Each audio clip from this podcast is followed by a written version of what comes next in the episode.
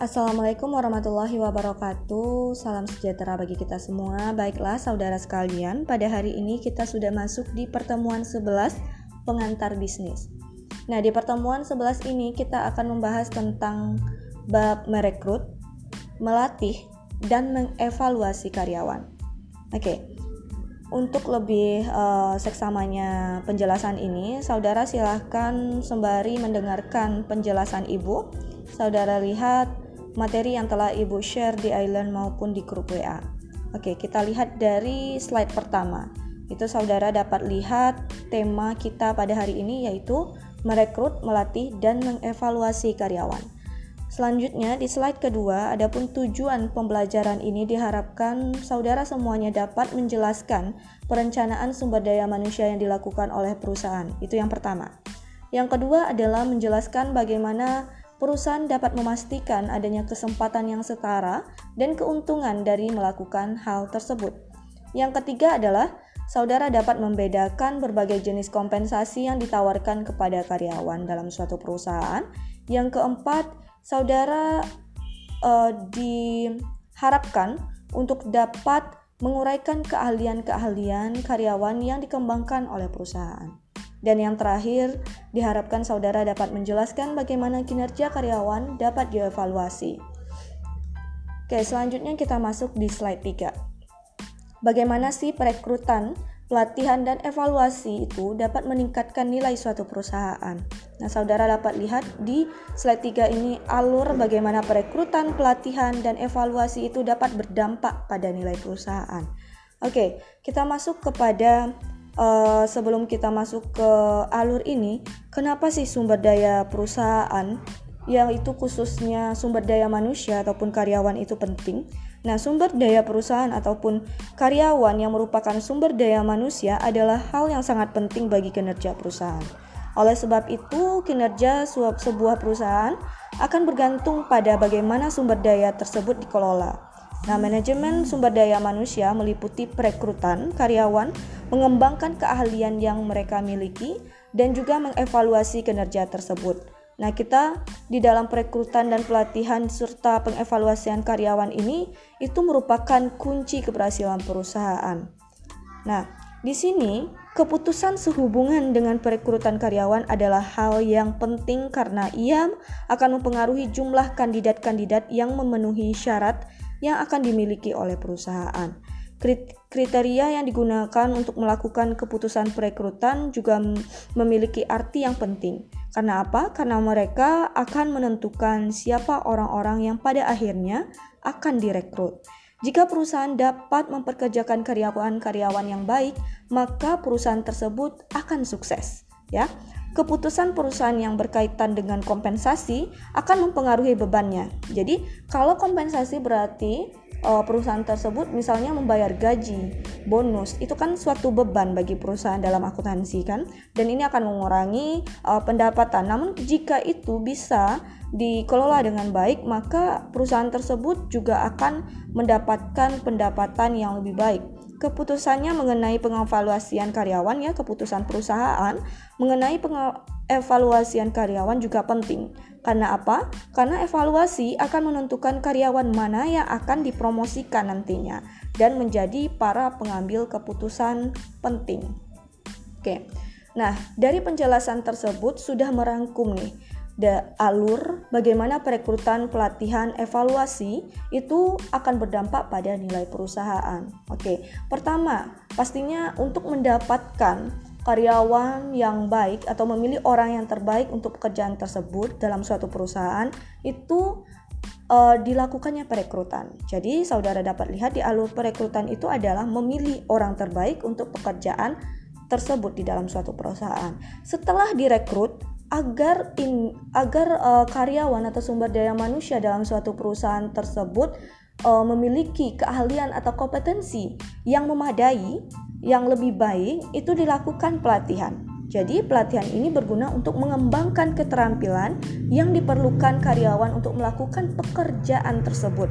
Ya, setelah dilakukannya pelatihan dan juga perekrutan ya, maka pekerjaan suatu karyawan tersebut tentunya harus dievaluasi. Evaluasi ini gunanya apa? Jika buruk maka akan diperbaiki. Jika baik akan ditingkatkan. Jadi evaluasi ini menetapkan proses formal nih untuk mengenali dan pada akhirnya menghargai karyawan yang bekerja baik dan menawarkan perbaikan yang disarankan untuk karyawan lain. Sehingga apabila ketiga hal ini dilakukan, itu akan diharapkan untuk bentuk tim karyawan dengan latar belakang, pelatihan dan bimbingan yang tepat. Sehingga dengan uh, latar belakang, pelatihan yang dan bimbingan yang tepat ini, maka suatu perusahaan tersebut dapat meningkatkan nilai perusahaannya. Kenapa?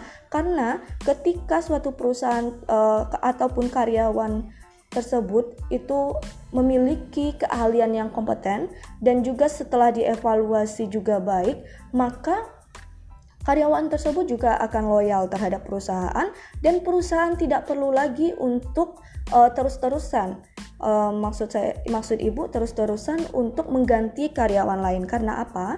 Ketika perusahaan mengganti karyawan lain berarti dimulai dari proses awal dan juga uh, membutuhkan biaya yang lebih banyak lagi. Ketika biaya yang lebih banyak ini dikeluarkan, maka beban perusahaan itu pasti lebih banyak ya. Maka pengeluaran-pengeluaran uh, tidak efisien lagi. Makanya perekrutan, pelatihan dan evaluasi ini akan berdampak pada suksesnya suatu perusahaan yang akan menaikkan nilai perusahaan tersebut. Oke. Selanjutnya kita masuk ke slide 4. Nah, perencanaan sumber daya manusia yang dilakukan oleh perusahaan. Oke. Perencanaan sumber daya manusia atau human resource planning itu melibatkan perencanaan untuk memenuhi kebutuhan karyawan sebuah perusahaan Nah, perencanaan ini terdiri dari apa saja? Yaitu terdiri atas tiga tahap pekerjaan. Yang pertama tahapnya adalah meramalkan kebutuhan tenaga kerja atau forecasting staffing needs.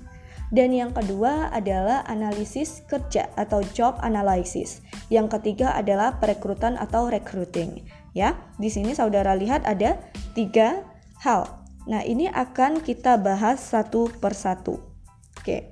Untuk uh, sebelum kita membahas tersebut, apa sih hubungannya perencanaan sumber daya manusia ini? Perencanaan sumber daya manusia itu apa saja? Nah, dalam perencanaan sumber daya manusia, kita lihat di slide keempat itu kan ada tadi meramalkan kebutuhan tenaga kerja, analisis kerja, dan juga perekrutan. Nah, di slide kelima ini akan dirinci kembali itu uh, perencanaan sumber daya manusia itu sampai seleksinya bagaimana ya. Oke, yang pertama kita lihat adanya forecasting staffing needs, yaitu meramalkan kebutuhan posisi suatu jabatan ya, yang diperlukan di suatu perusahaan. Jadi yang pertama itu perusahaan harus meramalkan penggantian karyawannya seperti apa dan meramalkan perluasan karyawan itu bagaimana. Nah, yang ke setelah itu adalah job analysis, yaitu analisis kerja uh, perusahaan menyusun spesifikasi pekerjaan di suatu perusahaan tersebut yang dibutuhkan. Yang kedua, menyusun uraian pekerjaan itu apa saja.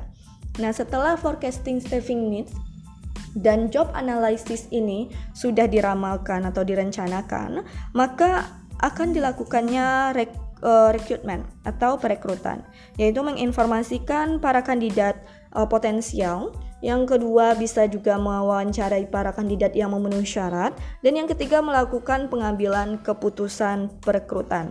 Nah, setelah uh, direkrut, itu baru kita akan menyeleksi. Nah, siapa-siapa saja orang yang sudah melamar di perusahaan kita itu yang lulus seleksi. Oke, itu ya yang di slide 5 selanjutnya kita akan membahasnya satu persatu. Yang pertama adalah meramalkan kebutuhan tenaga kerja atau forecasting staffing needs, yaitu menentukan jumlah yang tepat atas kualifikasi orang-orang dan di mana mereka dibutuhkan. Jika kebutuhan tenaga kerja dapat diantisipasi sejak awal, maka perusahaan akan memiliki lebih banyak waktu untuk memenuhi kebutuhan-kebutuhan tersebut. Nah, beberapa kebutuhan sumber daya manusia terjadi ketika apa saja. Nah, ada tiga peristiwa yang disyaratkan atas perkiraan tersebut. Yang pertama, mungkin uh, karena pengunduran diri. Maksudnya di sini bisa juga pengunduran diri ataupun pensiun. Jadi, Beberapa kebutuhan sumber daya manusia atau tenaga kerja ini terjadi ketika para pekerja tersebut pensiun atau pindah ke perusahaan lain. Makanya butuh untuk meramalkan kebutuhan tenaga kerja tersebut. Nah, pensiun dapat diramalkan dengan cukup akurat, tetapi peramalan mengenai kapan seseorang karyawan akan pindah ke perusahaan lain adalah hal yang cukup sulit tentunya ya, tidak dapat kita perkirakan atau tidak dapat kita lakukan. Nah, selanjutnya tambahan kebutuhan karyawan juga dapat terjadi dari ekspansi atau perluasan perusahaan. Jadi misalnya buka cabang di uh, misalnya perusahaan tersebut uh, pusatnya di Jakarta, itu melakukan uh, ekspansi atau perluasan usaha di buka cabang di Padang misalnya berarti juga butuh karyawan yang ada di cabang tersebut sehingga harus diramalkan kebutuhan tenaga kerja yang ada di cabang tersebut. Oke, selanjutnya tambahan kebutuhan karyawan ini juga dapat terjadi karena apa?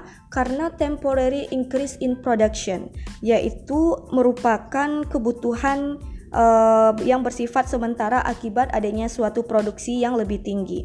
Jadi, jika perusahaan meramalkan adanya kebutuhan yang bersifat sementara akibat produksi yang lebih tinggi, perusahaan tersebut dapat menghindari perekrutan pekerjaan pekerja-pekerja baru. Karena uh, pastinya kan itu adanya uh, apa peningkatan produksi yang sementara. Berarti kalau seandainya direkrut perusahaan saat yang sementara tersebut, berarti ketika yang sementara itu berakhir waktunya, maka itu akan dipecat lagi kan? karyawannya tersebut dan menimbulkan biaya-biaya yang uh, lebih banyak. Jadi jika perusahaan menghindari perekrutan selama kenaikan produksi sementara, perusahaan tersebut harus mencapai target mereka dengan cara lain. Nah, salah satu metode yang umum digunakan adalah menawarkan upah lembur bagi para pekerja yang ada. Jadi metode alternatif lainnya adalah memperkerjakan pekerja-pekerja temporer atau sementara juga untuk pekerjaan paruh waktu atau musiman yang seperti temporary increase in production ini ya. Setelah posisi-posisi baru diciptakan, maka posisi-posisi tersebut harus segera diisi. Hal ini pada umumnya akan melibatkan selanjutnya adalah analisis kerja dan juga perekrutan yang akan kita bahas di slide ketujuh. Nah, di slide ketujuh ini saudara lihat adanya analisis kerja atau job analysis. Sebelum perusahaan merekrut karyawan baru untuk mengisi posisi jabatan yang ada, perusahaan tersebut harus memutuskan tugas dan tanggung jawab apa sih yang harus dilaksanakan oleh posisi tersebut dan persyaratan-persyaratan apa yang dibutuhkan, misalnya pendidikan, pengalaman, dan seterusnya untuk memenuhi kualifikasi posisi jabatan yang diperlukan tersebut. Analisis yang digunakan untuk menentukan pekerjaan dan persyaratan yang dibutuhkan untuk suatu posisi tertentu dikenal dengan istilah yang namanya adalah analisis kerja. Analisis ini digunakan untuk menentukan tugas dan surat kepercayaan yang diperlukan untuk posisi tertentu. Oke, maaf ya, Ibu agak typo di slide ketujuh ini. Dalam analisis kerja ini, sebaiknya mempertimbangkan masukan dari posisi supervisor sekaligus dari karyawan-karyawan lain yang nantinya pekerjaan tersebut akan saling berkaitan. Jadi diperlukan saran-saran dari uh, sumber daya manusia yang lain seperti supervisor dan karyawan-karyawan tersebut. Nah, analisis kerja memungkinkan supervisor dari posisi jabatan mengembangkan spesifikasi kerja dan uraian kerja. Nah, apa sih Hasil dari job analysis ini yaitu yang tadi Ibu sampaikan ada job specification dan juga job description. Ya, apa itu job specification? Job uh, atau spesifik kerja ya, job specification ini yaitu identifikasi berbagai keterampilan yang diperlukan, ciri ataupun atribut untuk kesuksesan performance dari sebuah perusahaan tertentu. Jadi, spesifikasi kerja ini menyatakan persyaratan-persyaratan yang dibutuhkan untuk memenuhi kualifikasi posisi jabatan tersebut. Kalau misalnya job description apa Bu? Atau juga kalau di Indonesia kan itu adalah uraian atau deskripsi kerja, yaitu menyatakan tugas-tugas dan tanggung jawab dari posisi jabatan tersebut. Ya, uraian tugas dan tanggung jawab dari posisi pekerjaan atau job position. Nah, gunanya apa semua ini? Yang dianalisis kerja ini seperti analisis kerja dan juga spes uh, masuk ibu spesifikasi kerja dan deskripsi kerja ini yaitu karena ketika seseorang yang uh, seseorang itu melamar posisi jabatan itu pastinya akan mempertimbangkan dan menggunakan spesifikasi kerja untuk memastikan apakah mereka memenuhi kualifikasi posisi tersebut dan menggunakan uraian kerja untuk mengetahui hal-hal yang akan dilakukan oleh posisi tersebut. Ya misalnya uh, kita mau melamar pekerjaan di di mana misalnya di Bank Indonesia. Nah jelas-jelas spesifikasi kerjanya ataupun uh, deskripsi pekerjaannya adalah A sampai Z dan kita ada uh, tidak memenuhi syarat tertentu gitu. Jadi kalau seandainya kita tidak memenuhi satu syarat ataupun dua syarat, apakah kita berani untuk melamar di sana? Nah, yang perlu kita lakukan adalah memantaskan diri untuk melamar ke sana ya. Jadi, kita membutuhkan waktu untuk mempersiapkan uh, diri kita atau kita menyeleksi terlebih dahulu diri kita apakah kita masuk dalam spesifikasi kerja di sana ya. Oke, perekrutan. Nah, perekrutan ini meliputi pencarian dan menarik individu yang berkualitas yang dapat dipilih. Jadi kata inti dari rekrut itu adalah mencari dan menarik individu. Nah, di sini perusahaan menggunakan berbagai bentuk perekrutan untuk memastikan tercukupinya pasokan kandidat-kandidat yang memenuhi syarat. Nah, beberapa perusahaan memiliki manajer sumber daya manusia yang juga disebut kadang juga uh, manajer personalia ya yang membantu masing-masing departemen terkait merekrut kandidat-kandidat untuk posisi yang lowong yang dimilikinya ya. Untuk mengidentifikasi kandidat-kandidat yang potensial untuk posisi tersebut, manajer sumber daya manusia dapat memeriksa nih arsip para pelamar terakhir yang melamar ya bahkan sebelum lowongan posisi tersebut dibuka. Arsip-arsip ini biasanya dibuat dari waktu ke waktu saat para pelamar mengirimkan lamaran mereka ke perusahaan. Jadi jangan kaget kalau seandainya uh, misalnya saudara melamar di perusahaan A itu dua tahun kemarin, dua tahun lalu, tapi dipanggil uh, saat ini gitu karena bisa saja arsip saudara atau lamaran saudara ada di perusahaan tersebut. Jadi tinggal merecall saja perusahaan-perusahaan tadi ya. Oke, selanjutnya dalam perekrutan itu ada yang namanya perekrutan internal dan juga perekrutan eksternal. Nah, apa itu perekrutan internal? Yaitu recruit people within the firm. Yaitu maksudnya adalah usaha untuk mengisi posisi-posisi yang lowong de dengan merekrut orang-orang dalam atau karyawan yang masih bekerja untuk perusahaan. Sejumlah perusahaan mengumumkan posisi-posisi yang lowong sehingga karyawan yang ada bisa mendapatkan informasi. Beberapa karyawan mungkin lebih menginginkan posisi yang lowong tersebut daripada daripada posisi mereka sekarang. Oke, contohnya apa? Contohnya misalnya di Bank Mandiri. Di Bank Mandiri tersebut dulu um, pastinya adanya outsourcing kan. Misalnya dia diperlukan untuk kegiatan bantuan sosial. Jadi ada karyawan outsourcing di sana atau bansos. Nah, ketika uh, perusahaan membutuhkan karyawan baru di perusahaannya, karyawan uh, yang akan dijadikan ketetap atau disebut juga dengan PKWT ya. PKWT pasti saudara sudah uh, mengetahuinya. Nah jadi ketika uh, perusahaan atau bank mandiri tersebut melakukan perekrutan mereka misalnya mau merekrut dari orang dalam. Nah informasi-informasi tersebut uh, mereka informasikan ke orang dalam perusahaan tersebut termasuk ke bansos tersebut. Nah, ketika bansos tersebut atau yang outsourcing tersebut karyawan bansos bantuan sosial tersebut mengetahui bahwa informasi ada perekrutan uh, karyawan PKWT di uh, Bank Mandiri. Nah, mereka ikut. Kenapa mereka mau ikut? Karena yang pertama bisa jadi yang ibu katakan itu mereka tidak puas dengan posisi mereka sekarang dan mau naik ke posisi yang uh, lowong tersebut pekerjaannya. Mungkin karena masalah gaji ya yang lebih tinggi atau juga promosi yang lebih baik di uh, pekerjaan yang lowong tersebut. Oke. Itu adalah internal recruiting, ya, perekrutan internal. Yaitu ingat adanya orang-orang di dalam perusahaan tersebut, recruit people within the firm. Jadi, merekrut orang-orang yang ada di dalam perusahaan tersebut. Selanjutnya adalah eksternal. Sebelum kita masuk ke eksternal, di dalam internal itu juga ada e, memungkinkan para pekerja yang ada di suatu perusahaan tersebut mendapatkan promosi. Promosi itu apa? Yaitu suatu penugasan kejabatan yang lebih tinggi, disertai dengan tanggung jawab dan kompensasi yang lebih besar juga, atau pindah ke pekerjaan lain yang lebih diinginkan. Itu promosi. Termasuk juga ke dalam perekrutan in internal. Oke, selanjutnya adalah perekrutan eksternal. Perekrutan eksternal adalah usaha untuk mengisi posisi jabatan melalui para pelamar dari luar perusahaan. Jadi, recruit people outside the firm.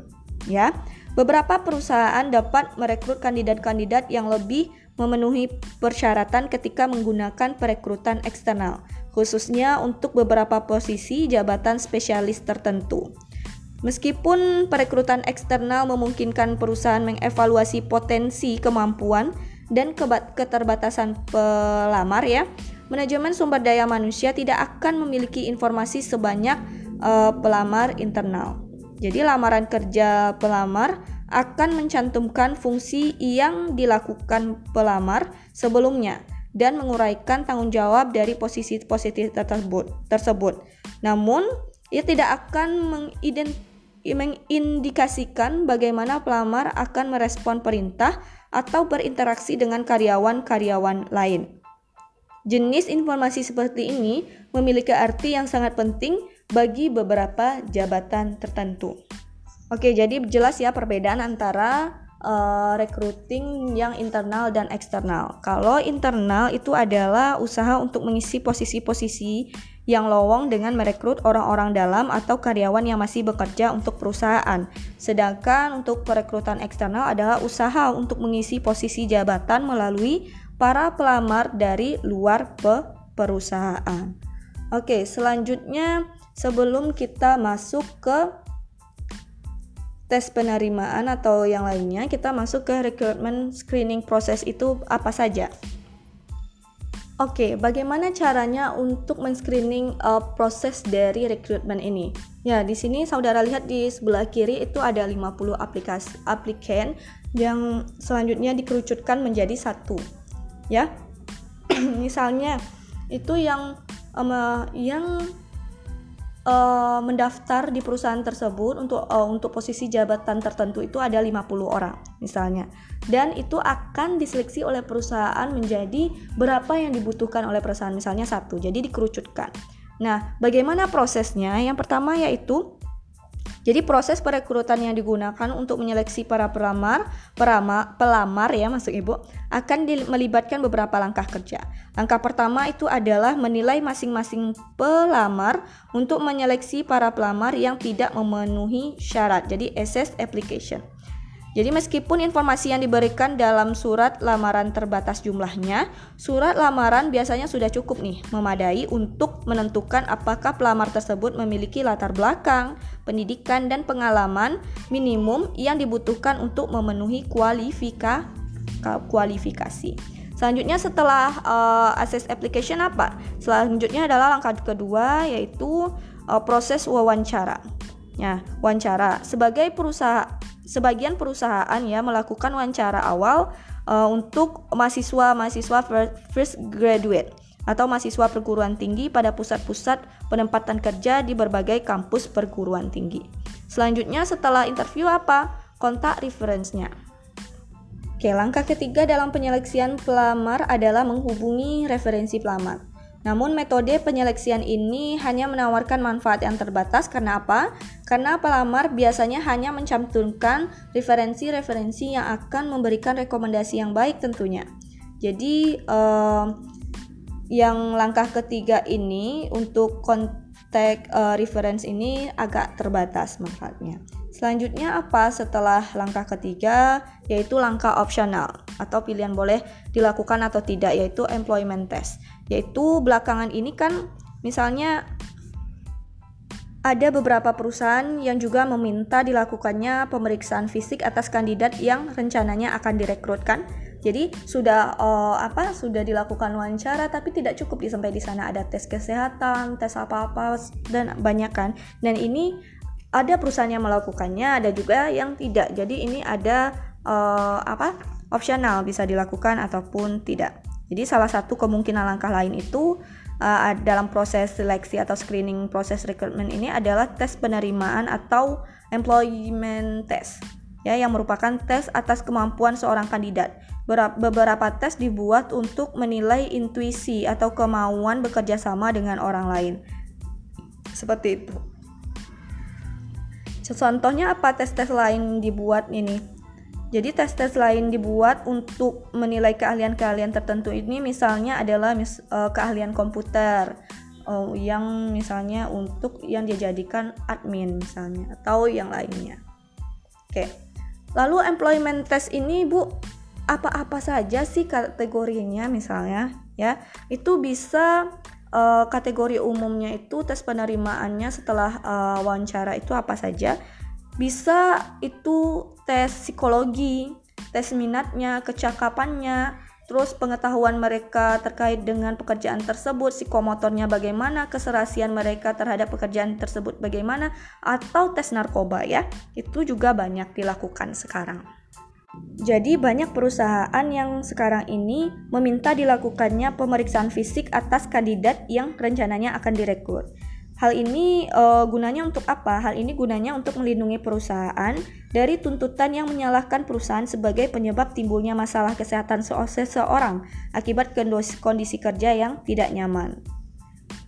Jadi beberapa perusahaan mendapat uh, dua dampak yang buruk ketika karyawannya menggunakan obat-obat terlarang nih. Kalau seandainya itu yang uh, perusahaan tidak melakukan tes narkoba ya, itu akan uh, berdampak pada perusahaan yang pertama. Perusahaan mungkin akan menanggung biaya untuk perawatan kesehatan dan konseling bagi karyawan tersebut. Dan yang kedua, kinerja dari karyawan itu kemungkinan besar juga akan buruk karena mereka memakai narkoba ya dapat memberikan pengaruh negatif juga terhadap rekan-rekan mereka karena uh, dengan hal tersebut dapat menimbulkan kerugian bagi perusahaan dan menurunkan kualitas kinerja dari rekan-rekan mereka juga. Makanya dibutuhkan juga tes penerimaan ini namun opsional. Oke, selanjutnya uh, di slide 11 adalah Sesuai dengan tujuan pembahasan ini, saudara dapat menjelaskan bagaimana perusahaan dapat memastikan adanya kesempatan yang setara dan keuntungan dari melakukan hal tersebut. Oke, ketika merekrut para kandidat untuk sebuah posisi jabatan, para manajer seharusnya tidak melakukan diskriminasi berdasarkan atas faktor-faktor yang tidak berhubungan dengan potensi kerja jabatan. Pertama, diskriminasi seperti itu adalah suatu hal yang ilegal. Kedua, diskriminasi dapat mengurangi tingkat efisiensi karyawan di tempat kerja. Jadi, ketika uh, perusahaan khususnya manajer uh, sumber daya manusia itu meminimalkan diskriminasi dalam suatu perusahaan, itu akan meningkatkan uh, efisiensi karyawan di tempat kerja, sehingga juga dapat meningkatkan inovasi dari karyawan tersebut.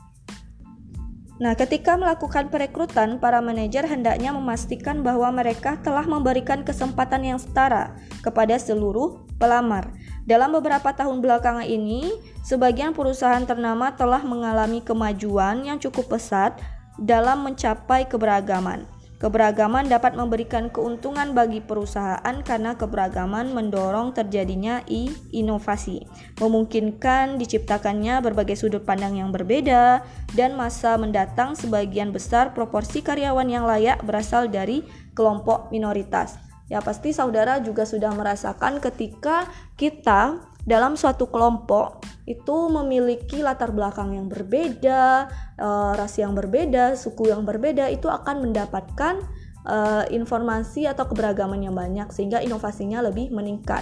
Dan ingat harus kompak. Jadi, dalam hal ini bagaimana perusahaan dapat memastikan adanya kesempatan yang setara dan keuntungan tersebut dapat di, diambil itu dengan meminimalkan diskriminasi sehingga dapat meningkatkan inovasi. Dan itu ketika meningkatkan inovasi itu meningkat, maka uh, kesuksesan atau nilai perusahaan tersebut juga akan meningkat. Oke. Selanjutnya adalah kita membahas bagaimana uh, membedakan berbagai jenis kompensasi yang ditawarkan kepada karyawan dalam suatu perusahaan. Pastinya perusahaan berusaha untuk memberikan imbalan kepada para karyawannya dengan memberikan kompensasi yang memadai. Tingkat kompensasi biasanya ditetapkan dengan membandingkan kompensasi yang diterima oleh karyawan dari perusahaan-perusahaan lain dengan karakteristik jabatan yang sama. Oke. Lalu paket kompensasi ini meliputi apa? Yaitu meliputi total kompensasi, kompensasi dan tunjangan moneter yang ditawarkan kepada karyawan. Sebagian karyawan memandang kompensasi mereka hanya dalam bentuk gaji, namun tunjangan yang ditawarkan oleh beberapa perusahaan bisa jadi lebih berharga dari gaji. Nah, ini paket kompensasi ini bagian-bagian umumnya uh, adalah yang bisa dapat saudara lihat di slide 12 itu ada gaji, upah, opsi saham, komisi, bonus, bagi hasil, tunjangan karyawan dan juga adanya fasilitas tambahan atau penghasilan tambahan. Oke, kita bahas satu-satu. Yaitu yang pertama adalah salaries dan wages atau gaji dan upah. Gaji atau upah adalah jumlah yang dibayarkan untuk sebuah jabatan selama periode tertentu. Nah, apa bedanya? Gaji dapat dihitung per jam, per periode pembayaran atau per tahun dan jumlahnya tetap sepanjang periode tertentu. Ya. Ada orang yang menyebutnya gaji, ada juga yang menyebutnya upah. Oke.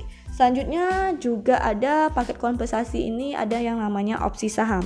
Opsi saham salah satu bentuk kompensasi yang memungkinkan karyawan membeli saham dari perusahaan di mana mereka bekerja pada harga tertentu. Oke, contohnya apa Bu opsi saham ini? Contohnya ini. Kita lihat karyawan yang telah diberi opsi saham untuk membeli 100 lembar saham.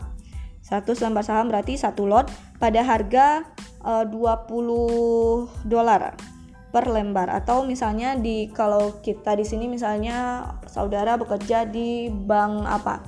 Bank BCA misalnya itu jika karya uh, jika saudara adalah karyawan di bank BCA itu dan diberikan paket kompensasi berupa opsi saham, misalnya saudara diberi opsi saham untuk membeli 100 lembar saham dengan harga uh, eh, BCA misalnya 13.000 per lembar.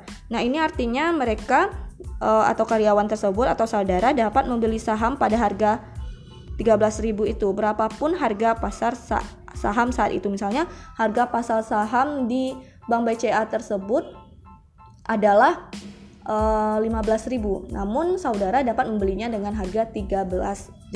Itu yang opsi saham. Oke, selanjutnya adalah komisi. Apa itu komisi?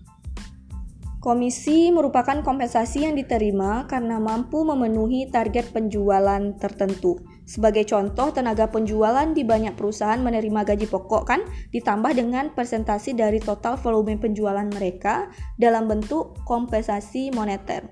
Komisi tidak digunakan pada jabatan-jabatan di mana kinerja karyawan tidak dapat diukur dengan mudah.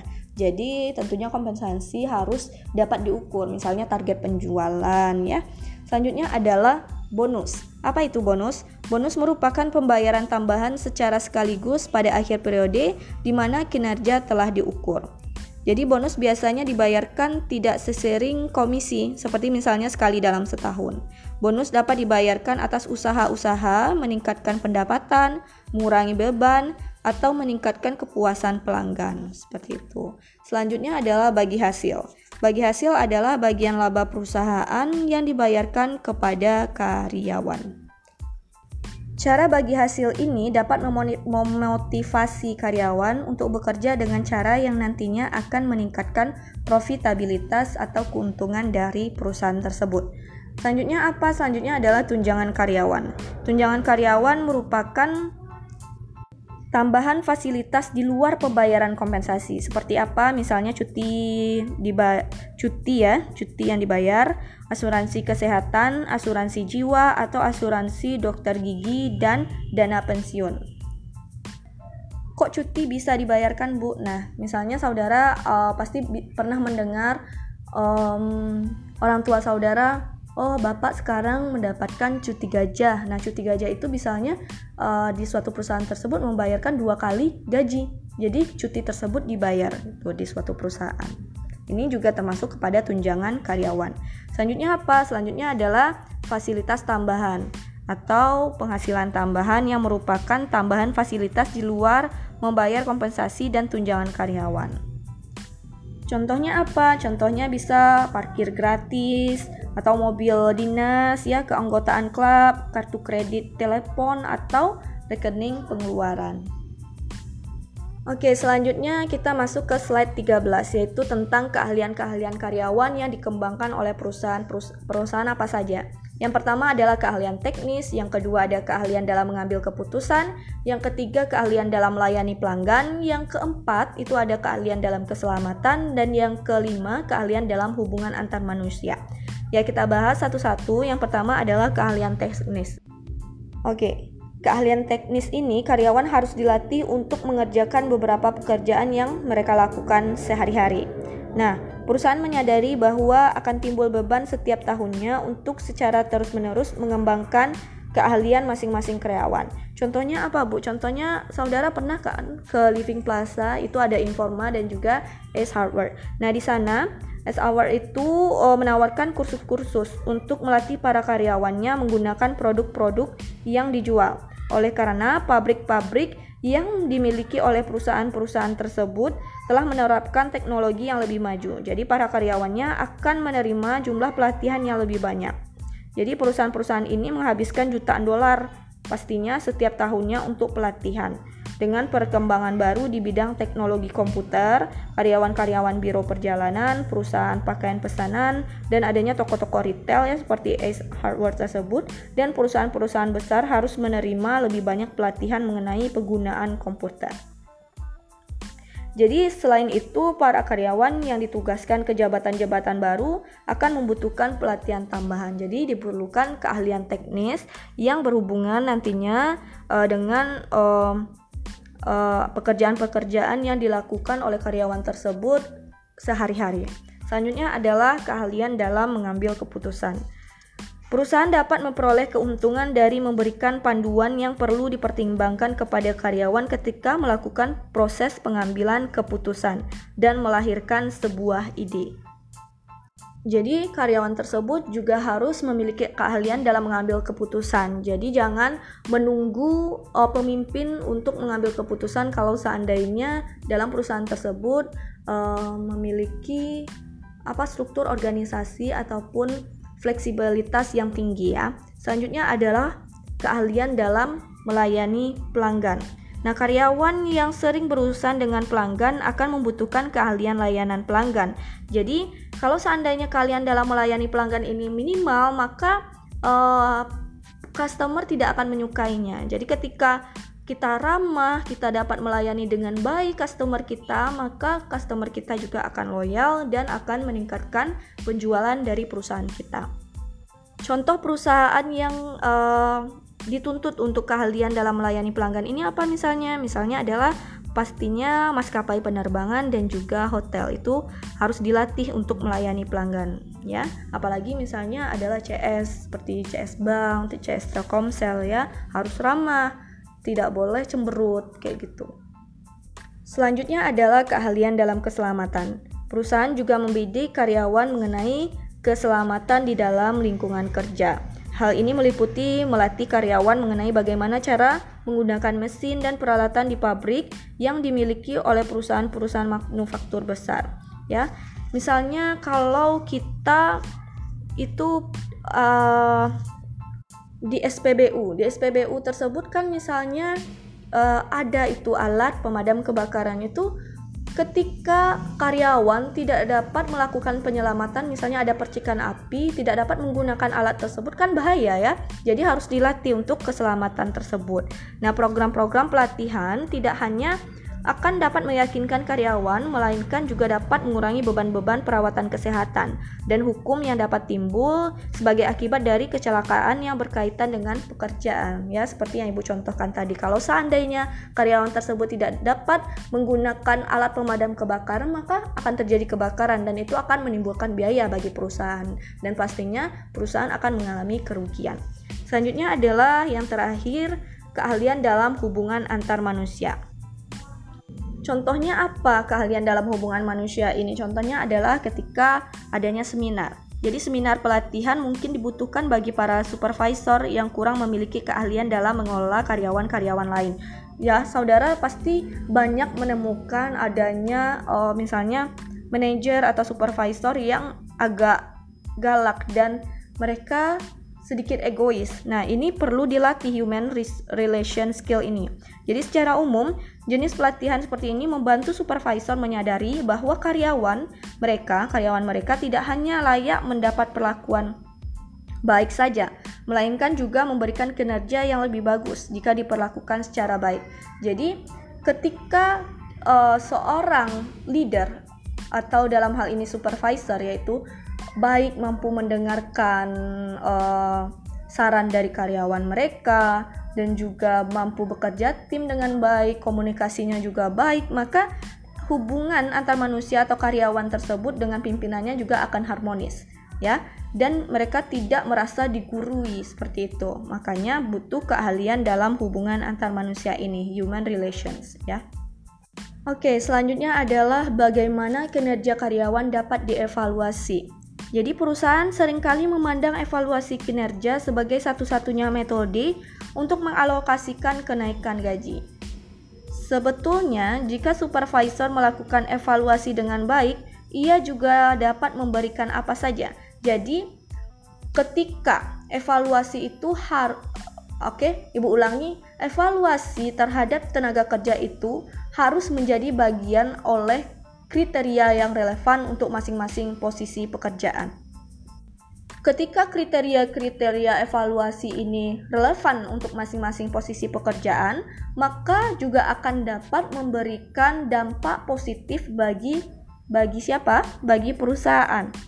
Jadi, sebetulnya jika supervisor ataupun manajer melakukan evaluasi dengan baik, ia juga dapat memberikan umpan balik ya, feedback umpan balik, provide feedback ya, dan juga arahan yang baik kepada para karyawannya.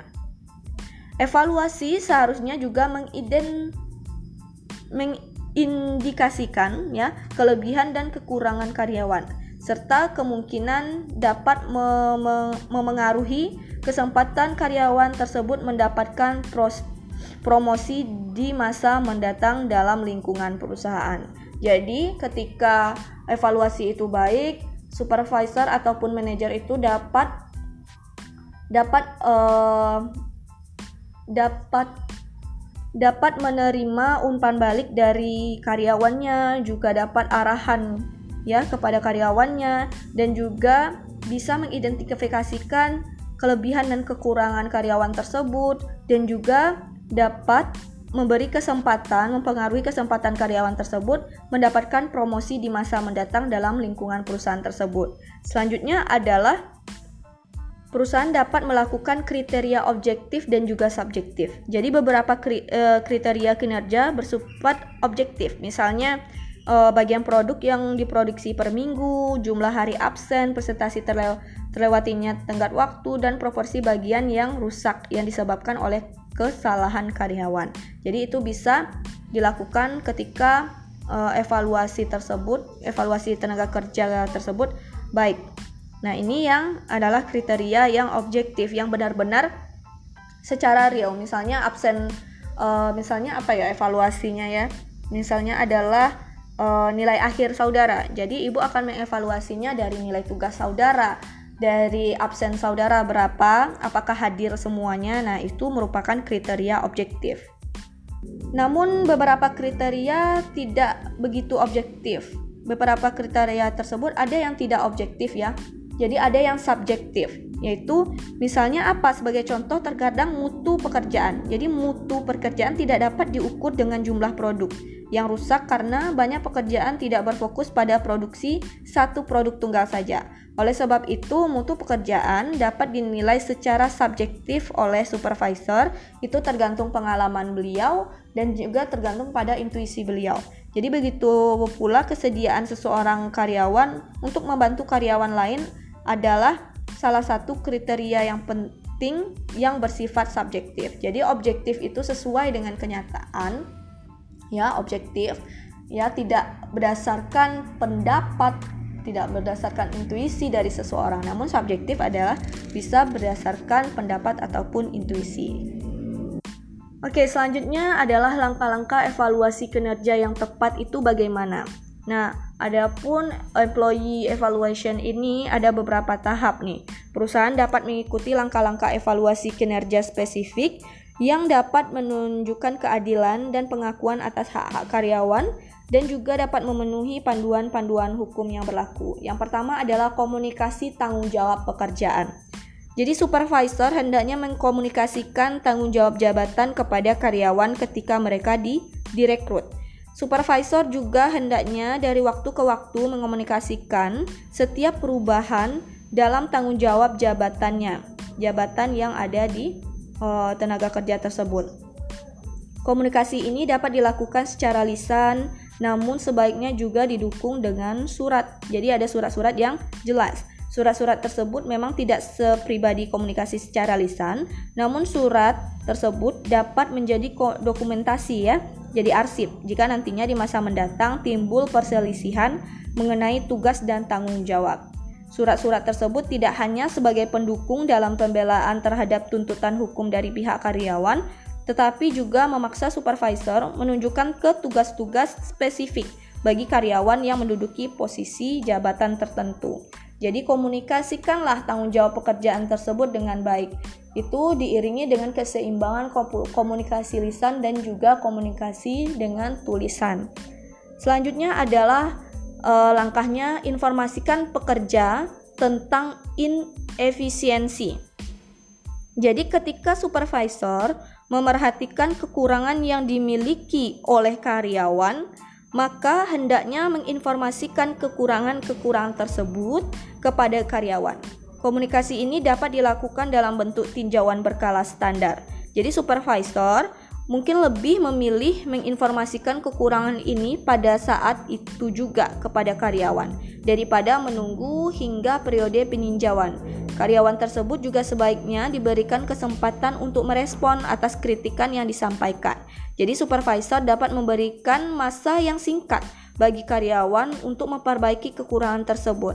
Supervisor juga hendaknya mengkomunikasikan dengan karyawan-karyawan yang evaluasinya baik sehingga karyawan tersebut menyadari bahwa mereka mendapat apresiasi atas hasil usaha yang telah mereka lakukan.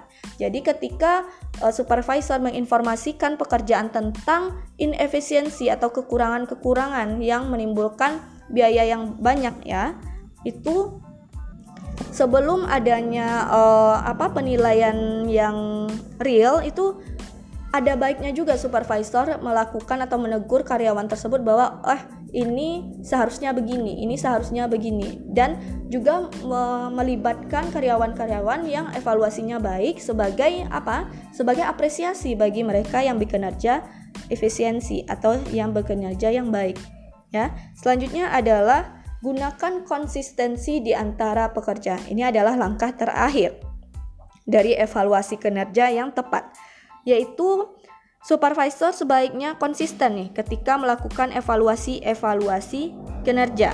Jika dua orang karyawan yang memiliki kekurangan yang serupa, hendaknya juga diperlakukan serupa dalam proses evaluasi. Nah, banyak supervisor merasa lebih mudah mengkomunikasikan kekurangan kepada para karyawan yang lebih bersedia untuk menerima kritik. Namun adalah hal yang tidak yang hal yang adil memperlakukan secara sama pada karyawan dengan kekurangan yang serupa. Jadi, gunakanlah konsistensi di antara pekerja. Misalnya ada dua pekerja, kita sebagai supervisor tidak boleh um, apa menspesialkan karyawan satunya. Jadi misalnya kesalahannya sama sama-sama membuat kerusakan misalnya. Dan kerusakan itu sama juga jadi kita mentang-mentang karyawan ini patuh ya, yang si A patuh uh, apa menerima kritikan. Jadi kita memarahi atau menegur yang si A saja. Yang si B mentang-mentang mereka uh, dia memiliki sifat yang keras, susah untuk dikritik. Jadi kita sebagai supervisor juga takut memarahinya. Nah, tidak boleh seperti itu. Kita harus berlaku adil, konsisten jika kesalahannya memang sama seperti itu. Nah, ini adalah akhir dari uh, pembahasan kita di bab ini. Nah, bagaimana sih konsep-konsep bab ini mempengaruhi kinerja bisnis? Itu keputusan sebuah perusahaan sehubungan dengan konsep-konsep sumber daya manusia yang dibahas tadi akan mempengaruhi kinerjanya. Jadi karyawan sebuah perusahaan sering kali merupakan sumber daya yang paling berharga. Perencanaan sumber daya manusia yang efektif memungkinkan perusahaan mengantisipasi kebutuhan jabatan tepat pada waktunya memberikan kesempatan yang setara untuk posisi-posisi jabatan sehingga memungkinkan orang yang paling memenuhi syarat menduduki posisi jabatan tersebut. Memberikan bentuk kompensasi yang tepat akan memotivasi karyawan. Pelatihan yang baik juga dapat memastikan bahwa karyawan memiliki keahlian untuk bekerja dengan baik. Suatu, suatu sistem pengevaluasian karyawan yang efektif dan mengaitkan evaluasi tersebut dengan kompensasi dapat memotivasi para karyawan untuk bekerja dengan baik sehingga dapat meningkatkan kinerja bisnis perusahaan. Nah, inilah konsep-konsep bab ini dapat mempengaruhi kinerja bisnis. Oke, selamat uh, belajar saudara semuanya. Dan jangan lupa untuk mengerjakan tugas mind mapping untuk pertemuan selanjutnya. Oke, terima kasih atas perhatiannya. Mohon maaf apabila ada kesalahan dan Ibu terlalu cepat menjelaskan, tapi saudara bisa mempostnya ya. Dan um, jangan lupa melakukan absensi di iLearn ya, di absensi ICT dan juga di pertemuan 11 ini. Oke, terima kasih. Wabillahi taufik wal hidayah. Assalamualaikum warahmatullahi wabarakatuh.